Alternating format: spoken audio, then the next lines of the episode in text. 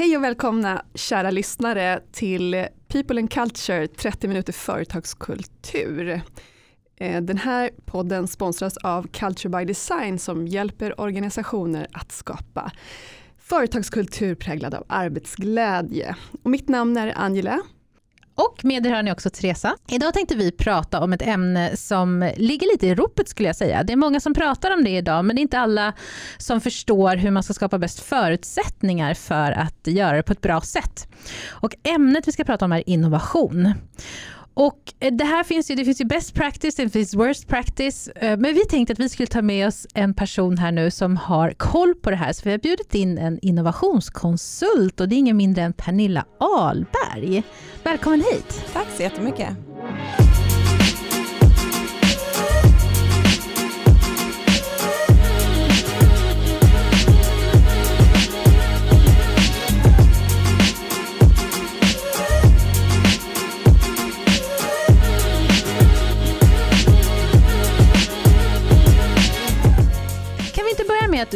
Bara definiera, vad är egentligen innovation? Så att vi liksom pratar samma språk.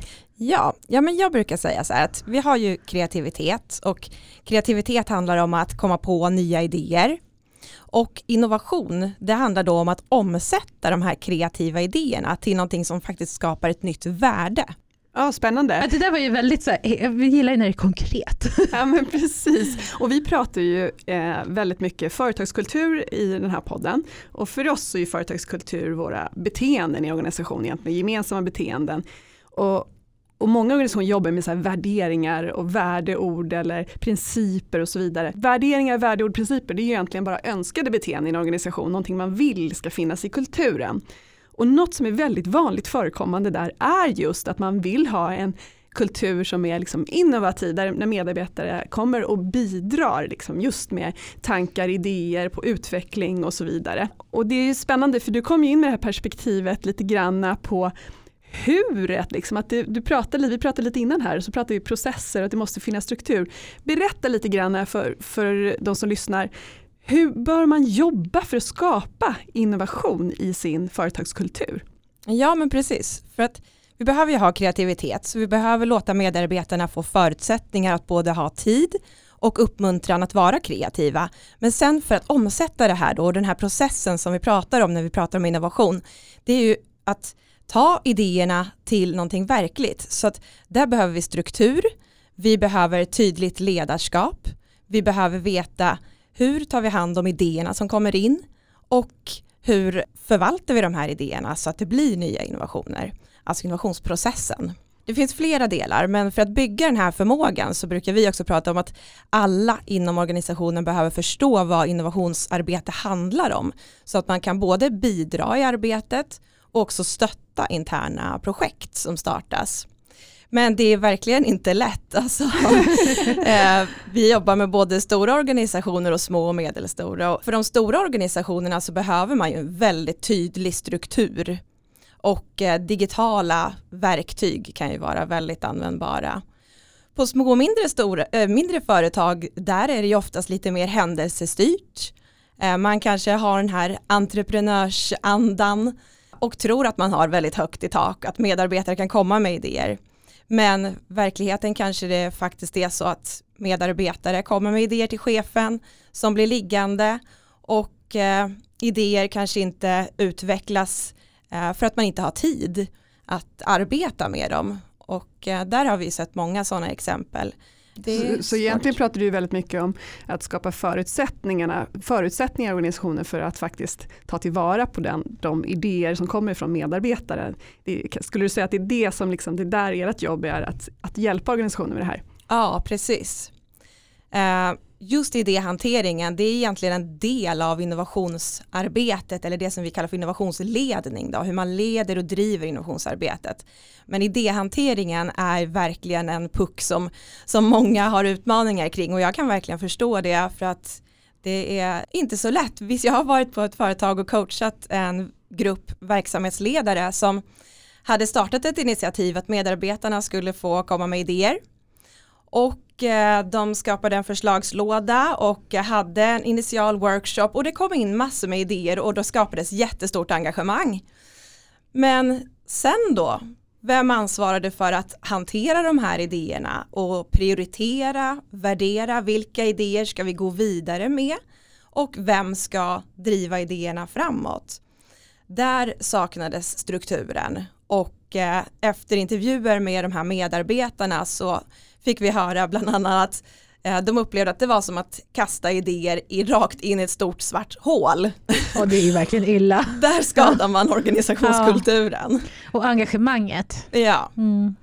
Skulle du säga att det här är ett ganska vanligt eh, problem som många organisationer har? Ja, det finns många utmaningar inom det här i alla fall. Mm. Eh, just för att det behövs verkligen någon som ansvarar för idéerna och tydliga processer. Också väldigt bra att ha transparenta processer så att medarbetarna som lämnar en idé vet vad som händer med idén och om det tas ett beslut att man inte ska gå vidare med idén så behöver man ju få återkoppling. Mm. Det som är så himla bra också med digitala verktyg som många använder idag det är att du också kan se vad som pågår inom organisationen. Ledarskapet kan vara tydlig med vilka fokusområden man har för innovation eller kanske lägga in ett antal utmaningar som medarbetarna kan komma med idéer kring. Och man kan se varandras idéer. Så det skapar ju både inspiration, engagemang och eh, en inblick i vart företaget är på väg någonstans.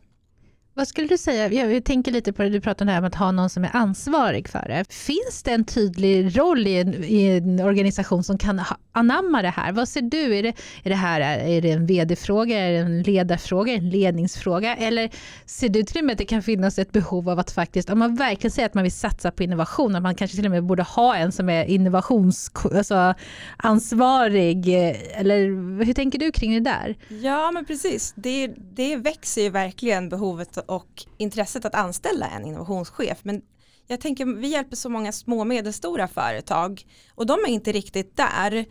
Och då landar ofta ansvaret på någon eller några chefer som kanske träffas i en grupp för att besluta om idéer. Men det, det är just här jag tror att många har utmaningen. Att eh, det är lite otydligt vem som ansvarar och kanske den här gruppen har för lite kunskap att veta hur ska vi välja vilka idéer vi ska gå vidare med. Vi jobbar ju med alltså att sätta in sådana här olika parametrar. Det beror på vad, vad har vi för ambition med innovationsarbetet. Vill vi få ut radikal innovation, inkrementell innovation, eh, vill vi få... Jag måste bara, eh, inkrementell ja. för de som inte känner till det. Ja. Kan inte du bara utveckla den så att man... Ja, verkligen. Eh, ja, men inkrementell handlar ju om att vi utvecklar våra befintliga produkter och tjänster. Eh, så vi gör lite små förbättringar eh, och radikal innovation handlar om att utveckla någonting helt nytt som vi inte har i vår produkt eller tjänsteportfolio idag. Någonting som blickar längre in i framtiden. Och helst så ska man jobba med bägge delar parallellt. Men den radikala innovationen kräver lite annat mindset och ett annat risktagande och eh, vi misslyckas ju ibland i innovationsprojekten också. Så att se det här lärandet som också en vinst. Um. Det tycker jag är så himla bra. Det, vi har ju sett att det finns ju företag som har den här fuck up club. Och där ger de ju faktiskt, eh, eh, den som har eh, vågat göra någonting och ändå misslyckats, den får alltså en utmärkelse. Den får blommor och ballonger och så får den ett diplom om att den har gjort den, större, den största fuck-upen eh, den här månaden eller det här kvartalet, vad det nu är nära. Men just det här, för där vill de liksom, det symbolvärdet av att, vet du vad, det var superbra att du vågade, du kom med idéer, det blev inte helt bra, men vi vill premiera att du bara tog tag i det. Så det tycker jag är ganska intressant. Och det just, just det här med rädslan för att göra fel är ju något som vi stöter på ofta som hämmar innovation väldigt mycket. Skulle du säga, skulle du hålla med om det, att det är en faktor som faktiskt kan begränsa innovationen? Ja, verkligen. Om det finns en sån rädsla i kulturen så kommer det att göra att människor blir rädda att komma med sina idéer. Uh, idéer är ju väldigt sköra i början när någon har kommit på en idé så är det så lätt att döda den idén. Och idéer när de är i början av sitt skede så är de som små frön som växer till och blir som små groddar och vi behöver hjälpas åt att utveckla idéerna. Och idéerna behöver få flöda fritt inom organisationen. Så ja, har vi kulturen där vi kan hjälpa varandra att bygga varandras idéer och kanske när vi hör en idé börja fundera, vad handlar den här idén om? Vad är kärnan i den här idén? Och det kanske är någonting som, som finns där som inte är riktigt utvecklat. Och att våga ändå lämna en sån idé det gör ju att idén kan vidareutvecklas och faktiskt växa till sig och kanske bli en ny innovation. Nu kommer jag eh, spontant in på det här med eh, klassiska misstag man gör. För det, det, det jag, eh, jag får en minnesbild av när man är i en organisation och så kommer någon med någon idé och så sitter de så här, men det där har vi redan provat. det där har vi gjort förut. det där är ju en sån här klassiker som kan ta död på just den där idén. Eh, för det kan, och jag tycker det är så bra som du säger också att ja, men vad är syftet med idén att förstå? För det kan ju faktiskt vara så att det påminner om någonting man har gjort. Men det kanske har en annan twist på det som gör att det här ändå är någonting nytt. Att inte bara avfärda saker. Jag tänker att det måste vara otroligt viktigt i processen. Ja, verkligen. Vi brukar göra en övning som heter ja och. Jag vet inte om ni har hört talas om den, men just för att bryta det här mindsetet att någon kommer med en idé och sen så får man höra nej det där provade vi förra året eller nej det där har vi inte råd med nej, nej, nej. så eh, att du är tvungen att svara ja och bygga vidare på den andras idé. Och sen så kan man gå varvet runt. Så det här är en övning som vi använder när vi gör eh, idégenereringsworkshops. Eh, just för att eh, få in det där mindsetet att eh, vi bygger vidare på varandras idéer och kommer ifrån Spännande. det där. Vad intressant, har, tänker på det när du pratar nu om liksom få igång idéarbetet och sådär i organisationer där man liksom inte har tagit tag i den här frågan på, riktigt på, på allvar men förstår att det här är någonting vi behöver jobba på och bli bättre på. Vad skulle du säga liksom att man ska börja någonstans för att komma igång? Har du liksom sådana konkreta, för att få igång den här idékarusellen i organisationen när man inte haft den kulturen tidigare? Ja, eh, tyvärr kanske det är lite tråkigt svar, men det är ju oftast så ser vi att ledningen behöver committa sig. Det finns ju väldigt många eldsjälar som tycker att innovation är superroligt. Vi pratar med många utvecklingschefer till exempel som känner att innovation, det förväntas att det ska komma bara från oss på utvecklingsavdelningen. Men det är ju någonting för hela företaget och vi ser att de som lyckas bäst det är när ledningen tar det här på allvar och bestämmer sig. Att det här är någonting vi faktiskt behöver göra. Och jag tror att det, det behöver man idag. Vi ser att eh, World Economic Forum, de gick ut med de topp viktigaste eh, egenskaperna, förmågorna för eh, medarbetare år 2025. Och där ligger analytiskt tänkande och innovation högst upp på listan. Och bland topp fem så är det mycket problemlösande och kreativitet. Så vill man framtidssäkra sin organisation så behöver man satsa på att utbilda medarbetare inom hela organisationen i innovationsarbete. Precis och fundera då om man har också förutsättningarna på plats för det så att man inte liksom sätter krokben för sig själv heller vilket ibland händer. Har du några fler exempel på just det här när det ja, men så här vanliga misstag, varit inne lite grann på det, några stycken. Så här, var brukar det gå fel? Liksom? Eh, ofta också i innovationsarbetet så händer det ju att eh, man sitter på kontoret och kommer på nya saker, nya produkter eller tjänster som man tror att kunderna vill ha. Man kanske lyssnar på också vad kunderna efterfrågar eller vad säljarna säger att kunderna behöver och vill ha. Men innovationsarbete, även om det handlar om att vi håller på att utveckla någon intern process eller nya produkter och tjänster ut till våra kunder så behöver vi vara där, där det händer och prata med kunden eller användaren. Att vara ute och intervjua och få feedback kring våra idéer och inte sätta, in oss, sätta oss inne på vårt kontor och eh, utveckla. Det är ju liksom en, en klassisk eh, fallgrop. Eh, jag tänker, är det också så spontant, är det vanligt att man involverar kanske för liten del av organisationen eller fel? Alltså att, att det blir så självklart till exempel att man börjar jobba med säljavdelningen när man ska titta på nya produkter men det kanske finns andra, spontant tänker jag, avdelningar i organisationen som faktiskt har ett ännu bättre grepp om kunden. Ja, eh, och i innovationsarbetet så gynnas av att få så många perspektiv som möjligt. Så att få personer från olika avdelningar ta in personer externt ifrån och eh, samarbeta. Det gynnas ju innovation av. Camilla, du pratade tidigare om det här med att olika parametrar som man behöver ta hänsyn till. Just det här för att förstå vad det är för typ av innovationsprojekt man håller på med. Du pratade bland annat om eh, radikal och inkrementell. Ehm, men vad mer? Vilka fler parametrar ska man ta hänsyn till för att få det här att fungera bra? Ja, men precis. Vi vill ju parallellt arbeta med olika idéer eller innovationsprojekt och det gäller att ha en bra mix så att vi delar upp våra risker. Så vi kan ju dels titta på det här med inkrementell och eh, radikal, det är ju liksom innovationshöjden kan man säga. Och sen kan vi också titta på genomförbarhet, så hur lång tid tar den här projekten att genomföra? Så där kan vi göra en uppskattning. Sen kan vi också kategorisera idéerna, så vi kanske har ett antal olika fokusområden för innovation eller ett antal strategiska områden som företaget vill utvecklas inom. Så vi kan kategorisera våra idéer baserat på det. Ja, men jättebra. För jag tänker just att om man nu är som Anila var inne på, man är ett bolag som ska börja någonstans. Att liksom, vad är det man behöver ta hänsyn till? Vilka förutsättningar behöver vi ha på plats? Och då är det så bra att ha de där hållpunkterna att ta hänsyn till. Okej, så att man får någon form av begrepp om vad, vad det handlar om. Skapa förutsättningar. Mm.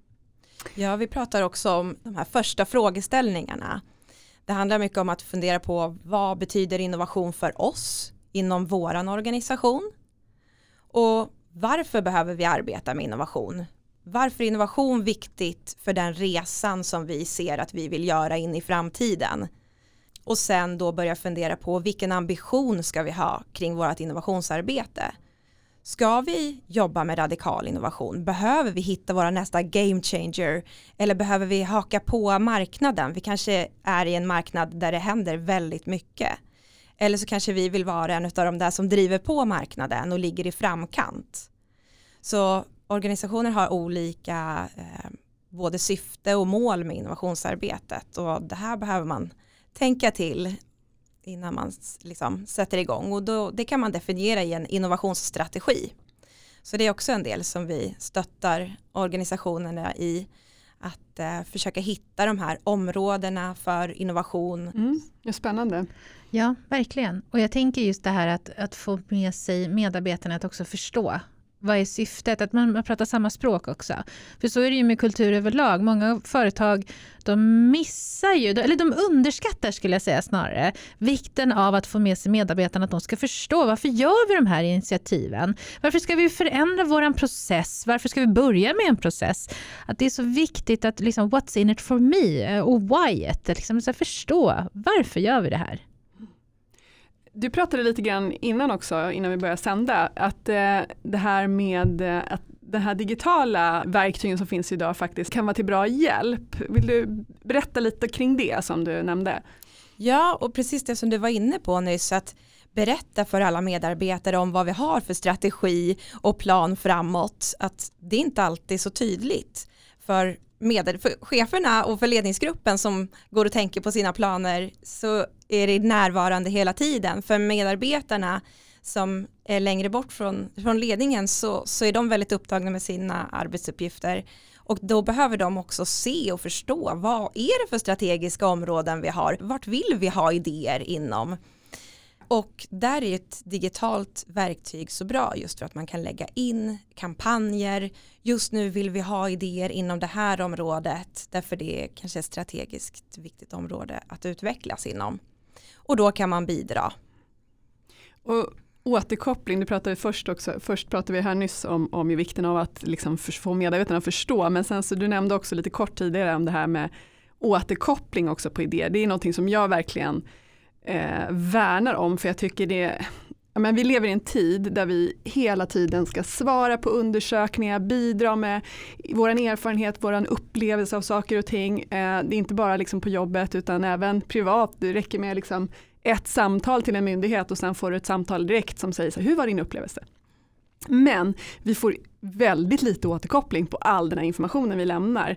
Vi vet inte vad som händer med den, vi vet inte om de gör någonting, vilket till slut urholkar hela vår liksom vilja att bidra. Och jag tänker det är samma här lite grann, att om jag kommer gärna med idéer och bidrar och är med och är innovativ, men om det bara känns lite som det exemplet du tog som att det är ett svart hål, det är ju hemskt. Ja. Eh, men så kan det faktiskt kännas i många andra avseenden på, på andra sätt, att man bara jag ger den informationen men jag får inget tillbaka.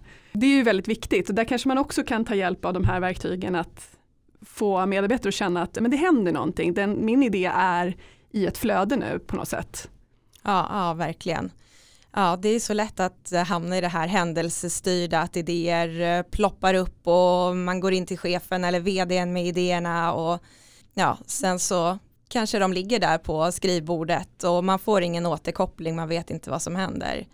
Eh, men ja, jobbar man med, med mer struktur så får man en mer transparent process där man också ser att idéerna går, tas igenom samma värderingar och prioriteringar och beslut tas baserat på en, en liksom validerad modell.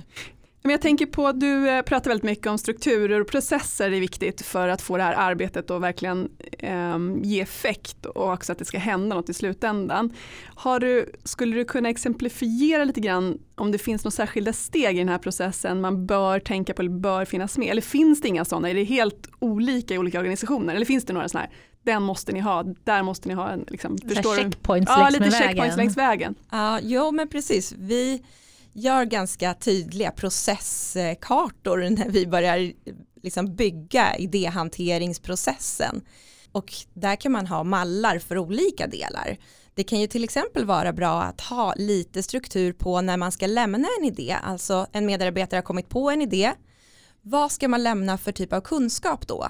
Då kan det vara bra att den som har kommit på idén faktiskt Eh, krävs att man har byggt upp lite kunskap om idén innan man lämnar in idén. Så att den är tydligt formulerad så det blir lätt för de som ska ta beslut att faktiskt se vad det här idén handlar om och vilket potentiellt värde som finns.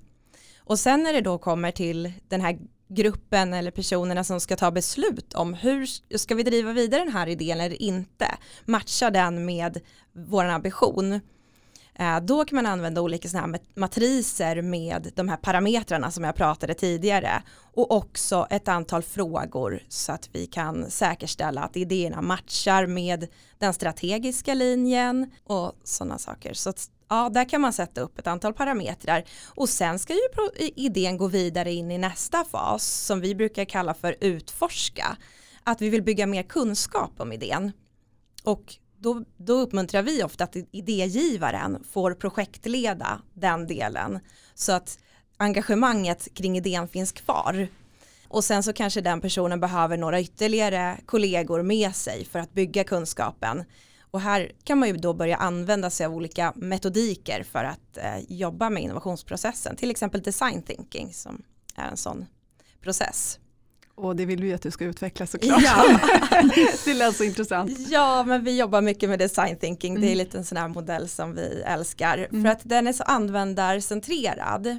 Och vi börjar inte att titta på, okej, okay, här har vi en idé. Nu jobbar vi vidare och framåt med den. Utan vi tittar, vad handlar den här idén om och för vem? Så att där går vi tillbaka egentligen och bygger insikt och kunskap Eh, så vi går och intervjuar, tittar hur beter sig den här eh, användaren eller kunden, vad älskar den, vad gör den irriterad och vi försöker läsa mellan raderna eh, för att verkligen förstå problemet eller utmaningen som vi står inför. Och därefter kommer idéerna. Så att vi går verkligen ner till roten, till kärnan utav utmaningen. Och det blir intressant för då är ni också fler. Från det att det bara var den, här, den som tog fram idén till att nu är ni en grupp och så går ni tillbaka och så tittar ni med fler ögon på samma idé. Och då blir det också just det här att fånga upp ja, men just där, fler perspektiv av en idé. Och så blir det ju mer att fler blir involverade och då skapar man också ett annat engagemang och fler kommer förstå idén sen när ni väl ska implementera den. Precis. Ja, det är som, det är en femstegsprocess design thinking men det är framförallt ett mindset och det är hur man löser problem med fokus på den man utvecklar eller designar för. Vi brukar prata om the beginners mindset, att man ska se ur, som ett barn, vara nyfiken, inte ha några tidigare föreställningar om saker och ting och när man har flera sådana personer från olika perspektiv eh, som går tillsammans med det perspektivet så, så blir det ofta väldigt bra. Snarare än att man tänker att vi ska sätta ihop ett gäng experter om det här området och så ska de liksom försöka utveckla en idé. Vad skulle du säga är det vanliga när, när kunder tar kontakt med er? Vad, liksom, vad brukar det vanligaste, så här, vad, vad, befinner de sig i för situation då när de på något sätt bestämmer sig för att ja, men det här tar vi, vi tar extern hjälp här. Är det, brukar det, finns det så här klassiska skeden som ni känner igen, ni kan identifiera eller är det helt olika? Det är lite olika, att vi erbjuder tjänster inom olika delar av innovationsledningen. Men för de kunderna som ofta vill börja från scratch så handlar det ofta om att börja bygga kompetens, börja bygga upp den här förmågan. Vi brukar göra en nulägesanalys där vi gör en bedömning av innovationsledningsförmågan och då mäter vi baserat på fem olika parametrar. Vi har en enkel sån mätning uppe på vår hemsida också där man bara kan göra på 5-10 minuter själv och få en liksom övergripande men när vi går in så gör vi den lite mer, jag tror ni har också en sån äh, liten mätning, eller hur? Ja, Fast, men just det, jag tyckte det var så intressant, just det, att, att få ett grepp om, så här, lite samsyn brukar vi jobba i våra projekt, att liksom, var befinner vi oss någonstans, var vill vi någonstans, var befinner mm, ja. vi oss någonstans? De som vänder sig till oss, det är mycket för att jobba med kulturen. Mm. Ja, men vi vill skapa arbetsglädje, engagemang och vi vill liksom få våra värderingar att leva i kulturen. Och då blir det precis, jag tycker det påminner väldigt mycket om det som ni gör mm. också, ja. att bara få, förstå nuläget. Ja, mm. precis. Och led, det är ledningsgruppen som gör den, bedöm, alltså den ledningsförmågan när det gäller innovation. Ja, det är vi, där man tittar på det då? Vi, vi tittar på det i ja, chefs, ja. chefsnivå. Ja, chefs, för det handlar ju framförallt om ledarskap och hur man driver och leder. Mm. Finns det en strategi? Vad har vi för processer? Hur ser kulturen ut?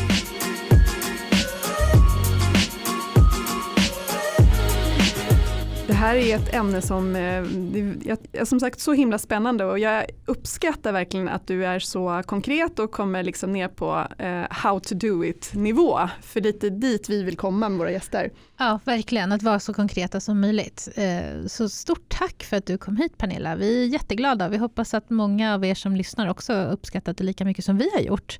Har ni frågor till Pernilla eh, så får ni jättegärna mejla till hello at culturebydesign.se så kan vi vidarebefordra dem till dig. Och skulle det vara så att ni har förslag på andra gäster, andra teman så använd samma mejl. Vi tar gärna emot input. Vi har ju massa spännande gäster som kommer här under våren men eh, vi tar gärna emot fler förslag, eller hur Angela? Det stämmer bra det. Mejla jättegärna in ämnen till oss. Vi uppskattar det supermycket och jag, ett stort tack att du kom hit idag och bidrog med din klokskap. Tack så jättemycket. Det var jättekul att få komma hit och prata innovation. Ja, vi var väldigt glada att det, jag känner mig så jag har fått massa nya idéer här nu också. Så att eh, det, det hänger ihop det här med företagskultur och innovation. Verkligen. Så är det ju verkligen. Du satte igång en innovationsprocess hos oss. Ja, definitivt. och tack till alla er som har lyssnat. Jag hoppas att ni följer oss och uh, lyssnar på flera av våra avsnitt. Ja, tack för oss.